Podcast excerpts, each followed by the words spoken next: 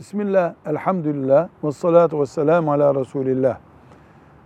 Bir Müslüman kurban bayramı günlerinde, birinci günde mesela, yolcu olacağı, misafir sayılacağı bir yere gittiğinde, orada kurbanını kesse, zengin bir Müslüman kurban kesmesi gerekiyordu.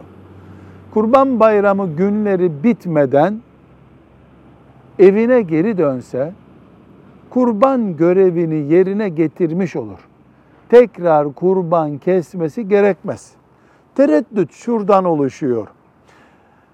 İnsan misafirliğe gittiğinde yani şeriata göre yolcu sayıldığında kurban ona vacip değil. Yolcu olduğu için. Buna rağmen kurbanını keserse evine döndüğünde üzerine vacip olmayan tarzda kestiği için kurbanını evde bir daha kesmesi gerekir şeklinde bir anlayış var. Bu doğru değil.